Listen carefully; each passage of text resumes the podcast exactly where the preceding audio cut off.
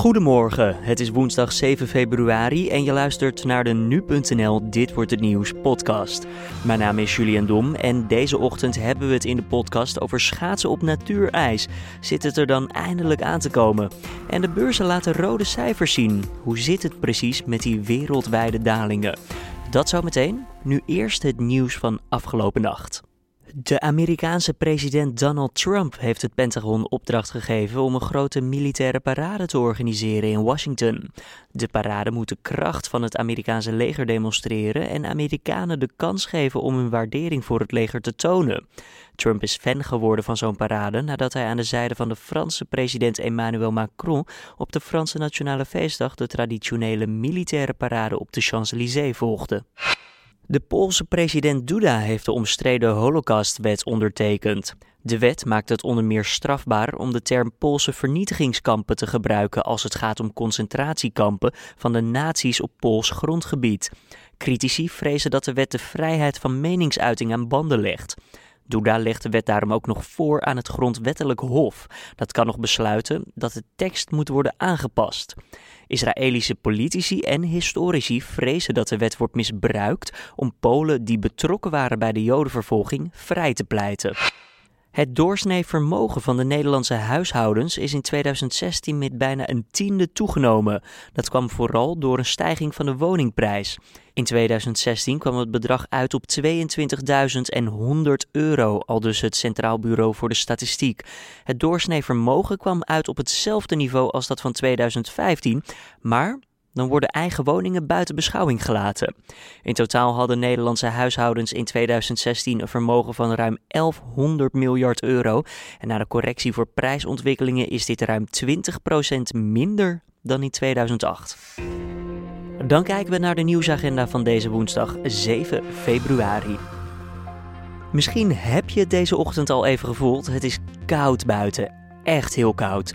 Afgelopen nacht lag het kwik ruim onder nul, maar is dat genoeg om hoop te houden op schaatsbaar natuurijs? Aan de telefoon Raymond Klaassen van Weerplaza.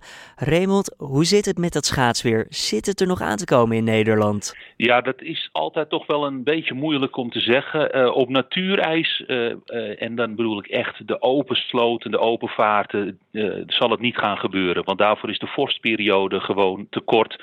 We zien ook alweer dat de temperaturen vanaf donderdag weer gaan oplopen overdag. En ook de nachttemperaturen die, die gaan omhoog. Het blijft weliswaar nog vriezen, mm -hmm. maar niet meer zo streng als of streng, zo, zo matig als afgelopen nacht.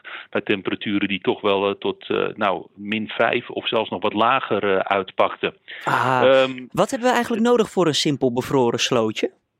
Nou, voor een simpel bevroren slootje, en dat is natuurlijk erg afhankelijk uh, van de diepte uh, van die sloot en ook of er nog stroming in die sloot zit. Als het stilstaand water is en het is ondiep, echt ondiep water, mm -hmm. dan gaat het vrij snel. Hè. We hebben uh, gisteren eigenlijk al wat mensen gezien die op opgespoten ijsbaantjes konden schaatsen, omdat ja, op, op twee centimeter, zonder dat daar een een watermassa onder ligt, uh, kan je al prima schaatsen. Maar echte sloten waar een beetje stroming in zit en die al gauw wat dieper worden, 50 centimeter of misschien wel een meter, dan wordt dat toch uh, allemaal erg moeilijk hoor. En uh, ja, wat ik al zei, ik, ik, voorzie eigenlijk dat dat niet gaat gebeuren. Zo jammer voor de schaatsfans, maar laten we dan eventjes kijken naar wat er dan echt belangrijk is voor die ideale omstandigheden voor een mooie laag ijs. Want wat hebben we ja. nodig? Waar kijken we naar uit?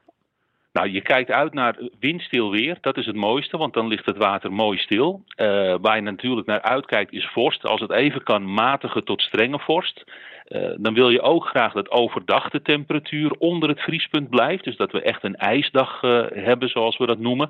En dan ja, een paar van dat soort dagen achter elkaar. Als je dan naar een weekje op die manier vorst hebt, ja, dan, dan kan het hard gaan. Maar dat zit er gewoon uh, niet in. Het lijkt sowieso bijna uniek tegenwoordig als we dat nog hebben.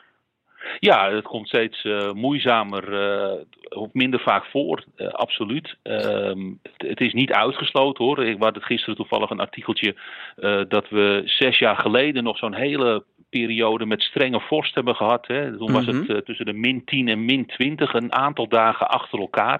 Dat is gewoon nog maar zes jaar geleden. En uh, ja, toen kon er prima op natuurijs geschaatst worden. Maar dat zit er nu dus helaas niet in. Ook al krijgen we Komende nacht opnieuw matige vorst. De temperatuur gaat weer onder de min 5 uitkomen op veel plaatsen. Ja. overdag zitten we toch alweer gauw aan 3, 4 graden boven nul. Uh, de zon die is erbij. En uh, ja, daarna uh, zien we zelfs nog wat hogere temperaturen. En dan kan er op vrijdag ook nog wat neerslag gaan vallen. Een beetje sneeuw. Nou, dat wil je helemaal niet op een ijslaag hebben. Want dat, dat zorgt eigenlijk alleen maar voor een negatief effect. Dus, ja, want, want hoe werkt sneeuw op ijs? negatief zeg je? Kan je uitleggen? Ja, nou, dat, uh, dat zorgt ervoor dat het eigenlijk een soort dekentje wordt op de ijslaag, waardoor uh, het ijs gewoon veel minder snel groeit. Uh, daarnaast kan het er ook nog toe leiden dat sneeuw gaat aanvriezen op het ijs, waardoor je ook helemaal geen gladde ijsbaan meer hebt, maar een, een hobbelige structuur gaat krijgen. Zeker als, als de dagen erna weer vorstig zouden zijn, dus met, met flink wat vorst, dan gaat die sneeuw echt aanbakken als het ware aan het ijs. En dat, nou, dat wil je gewoon niet. Het moet droog zijn. Je moet een lange vorstperiode hebben met als het even kan weinig wind en natuurlijk hele lage temperaturen. En hoe kouder het is, hoe sneller het ijs dan zal aangroeien. Zeg Raymond, even een hele simpele vraag misschien, maar stel je voor je woont bij zo'n heel stil waterbeekje in de buurt. Als je nou gewoon de hele vriezer met ijsklontjes in dat eh, beekje gooit, heeft dat zin? Helpt dat? Nee, dat heeft absoluut uh, geen, uh, geen zin. De, de, de hoeveelheid die uit de, de vriezer komt, die is gewoon veel te klein om de beek goed te laten afkoelen. Dus dat, dat zou ik niet doen. Ik zou die ijsklontjes gewoon in een lekker drankje stoppen. Raymond Klaassen was dat van Weerplaza. Schaatsweer zit er helaas dus momenteel nog niet aan te komen. De beurzen duiken in de rode cijfers. Ook in Amsterdam vielen er klappen nadat er eerder zware verliezen werden geboekt in Azië en op Wall Street. Maandag sloot de Amerikaanse Dow Jones zelfs met een verlies van 4,6 procent. En dat was de grootste daling sinds 2011. De oorzaak ligt onder meer bij stijgende inflatie en meer Amerikaanse renteverhogingen. Wat kunnen we opmaken van de rode cijfers en merken we er in het dagelijkse leven eigenlijk iets van? Daarover praten we met Wilbert zelf van de economie Wilbert, misschien is het een open deurvraag, maar alles lijkt te dalen. Is dat nou een goede zaak of hoort dit? Nou, in principe horen dalingen gewoon bij een aandelenbeurs natuurlijk. En uh, beleggers hebben de laatste jaren ook een hele stabiele, positieve beurs meegemaakt. Uh, mensen die niet dagelijks naar de beurs kijken, die zullen het niet hebben opgemerkt, maar 2017 en ook de eerste maand van 2018 waren ook abnormaal positief en rustig. Mm ja, je moet er eh, rekening mee houden dat de S&P 500 uh, bijna 400 dagen geen periode had meegemaakt met een correctie van 5%. Dat is de langste periode ooit. Mm En die ja, vrij forse correctie die we nu toch zien, is dan in dat licht niet per se heel slecht. Nee, je kan in principe ook niet altijd maar blijven eh, alles laten stijgen, toch? Nee, precies. Ja, en dan zie je nu wel dat er een uh, ja, vrij forse reactie is. Ja, is er sprake van een soort domino-effect? Want eh, je zegt net de S&P 500, die heeft een flinke klap gekregen, de Dow Jones. Uh, maar ja, hier in uh, Nederland zien we ook de AEX.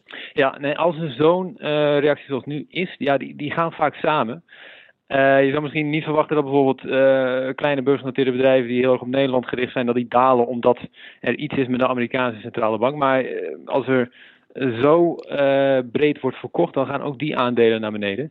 En dat geeft toch ook een beetje aan dat er een klein beetje paniek is op de beurs. Mensen verkopen toch omdat ze denken dat uh, iedereen verkoopt. Mm -hmm. En ja, in sommige gevallen zoekt men ook gewoon een reden om te verkopen. Uh, wanneer, je aandelen, wanneer aandelen zoveel zijn gestegen als het laatste jaar, dan zijn mensen snel geneigd om het nu te verkopen. Als iedereen verkoopt, moet je dan juist kopen of is dit ja, dat is altijd moeilijk. Uh, de vraag is, uh, is het morgen dan, uh, gaat het morgen nog dalen of stijgen? Dat, dat is ontzettend moeilijk. Dus afhankelijk van wat jij gelooft dat de markt gaat doen. Gaat het beter worden of blijft deze correctie nog even doorgaan? Kunnen we ons eigenlijk als Europa of zelfs als Nederland nog wel weren tegen de dalingen in Azië en de VS? Want zoals je zelf al zegt, het heeft allemaal invloed op elkaar. Dat is dus heel erg moeilijk. Uh, beurs beweegt dus uh, vaak in dezelfde richting met dit soort correcties. Maar we moeten ook wel beseffen dat de situatie uh, in principe in de VS is ontstaan. Europese aandelen zijn uh, hoog gestegen, maar niet zo extreem gewaardeerd als in Nederland. En de Nederlandse en Europese economie, die, die gaan eigenlijk heel erg goed. Mm-hmm. Dus je ziet ook dat de dalingen hier iets minder fors zijn dan bijvoorbeeld in Amerika en eigenlijk ook wel dan in Azië. Dus je, je, kan je er niet tegen weren, maar je, je ziet dat het iets kleinere gevolgen heeft voor Europa. En merken we eigenlijk zelf nog wel eens iets van uh, in het dagelijkse leven van deze rode cijfers? Nou ja, als je aandelen hebt, dan, uh, dan merk je er misschien wat van. Maar als je uh, niet belegt, dan hoef je van deze daling helemaal niks te gaan merken. Um, wat ik net zei, de Nederlandse economie doet het gewoon goed. De Europese economie doet het goed. en het lijkt ook allemaal nog steeds beter te gaan. Dus ja, zo'n correctie als nu, daar gaan we echt op straat niks van merken. Kunnen we nog iets zeggen over het herstel? Is dat al in zicht? Nou, dat is heel moeilijk te voorspellen. Um, gaat het morgen uh, nog dalen of, uh, of gaat het vandaag nog dalen? Ja, dat kun je niet voorspellen. Wat we wel kan, kunnen zeggen hierover is, wat analisten ook zeggen, deze daling die komt na een hele stabiele aandelenmarkt eigenlijk. Hè? en dan zo'n zo'n koers als deze, daar schrik wel af van. Ja, dat hoeft niet opnieuw weer te gaan gebeuren, maar wat er wel gaat gebeuren is dat er dat, dat beurskoersen iets meer uh, zullen dalen uh, de komende jaren waarschijnlijk. Dat er iets meer volatiliteit uh, komt, zoals we dat in beursjargon noemen. Mm -hmm. ja, de, de, dus ze gaan wat meer naar beneden en waarschijnlijk ook nog wat omhoog. Wilbert Cel was dat van de economieredactie bij nu.nl. De Tweede Kamer debatteert met minister Erik Wiebes van Economische Zaken en Klimaat over de gaswinning in Groningen. Er wordt onder andere gesproken over de verlaging van de gaswinning naar aanleiding van advies van het staatstoezicht op de mijnen en de kosten die daarmee gepaard gaan. Ook wordt het nieuwe schadeprotocol dat tot stand kwam tussen het Rijk, de lokale overheden en maatschappelijke organisaties besproken. En in de Eredivisie is het weer tijd voor een midweekse speelronde. Titelkandidaten PSV en Ajax komen vanavond in actie. De koploper uit Eindhoven speelt om half zeven thuis tegen Excelsior dat knap in de middenmoot staat. Ajax trapt om kwart voor negen in Kerkrade af tegen degradatiekandidaat Roda JC. Het verschil tussen Ajax en PSV bedraagt momenteel 7 punten. Verder op het programma staat nog FC Twente tegen AZ, FC Utrecht tegen Sparta Rotterdam, NAC speelt tegen Heracles Almelo en VVV Venlo neemt het in Tilburg op tegen Willem II. Dan kijken we even naar het mediaoverzicht van deze woensdag. Het AD schrijft dat gemeenten katteneigenaren straks kunnen verplichten om een dier te laten chippen. Een meerderheid van de Tweede Kamer wil dat regelen. De chiplicht voor honden bestaat al, maar bij katten nog niet.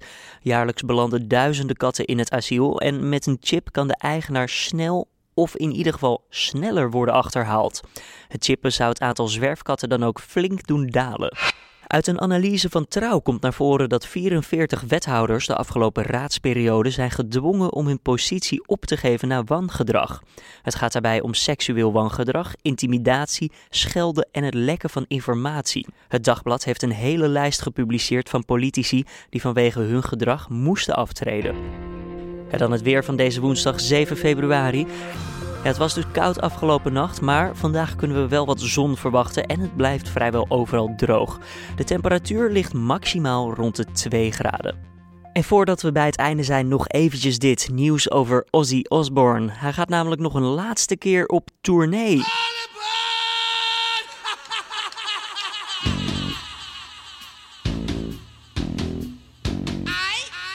Dat was een stukje Crazy Train. Ja, de Prince of Darkness maakte het nieuws zelf bekend tijdens een persconferentie. En in april start de tweejarige afscheidstournee. Helemaal stoppen zal Ozzy niet, want na het tournee wil hij alsnog optreden, alleen niet meer langdurig van huis zijn. Het afscheidstournee heet No More Tours 2 en dat is een beetje een knipoog naar Ozzy's poging om te stoppen met toeren begin jaren 90. En toen noemde hij zijn tournee, hoe kan het dan ook anders, No More Tours. Dinsdag zijn de data bekendgemaakt van de eerste zes maanden van de tour. Hij doet ook Europa aan, maar vooralsnog geen optredens in Nederland. Zodra er wel eentje komt, lees je dat natuurlijk als eerst op nu.nl. Dit was dan de Dit wordt het nieuws podcast van deze woensdag 7 februari. De Dit wordt het nieuws podcast is elke maandag tot en met vrijdag te vinden op nu.nl om 6 uur ochtends. En je kan ons altijd een mailtje sturen met wat feedback. Dat doe je simpelweg door te mailen naar redactie Voor nu, tot morgen.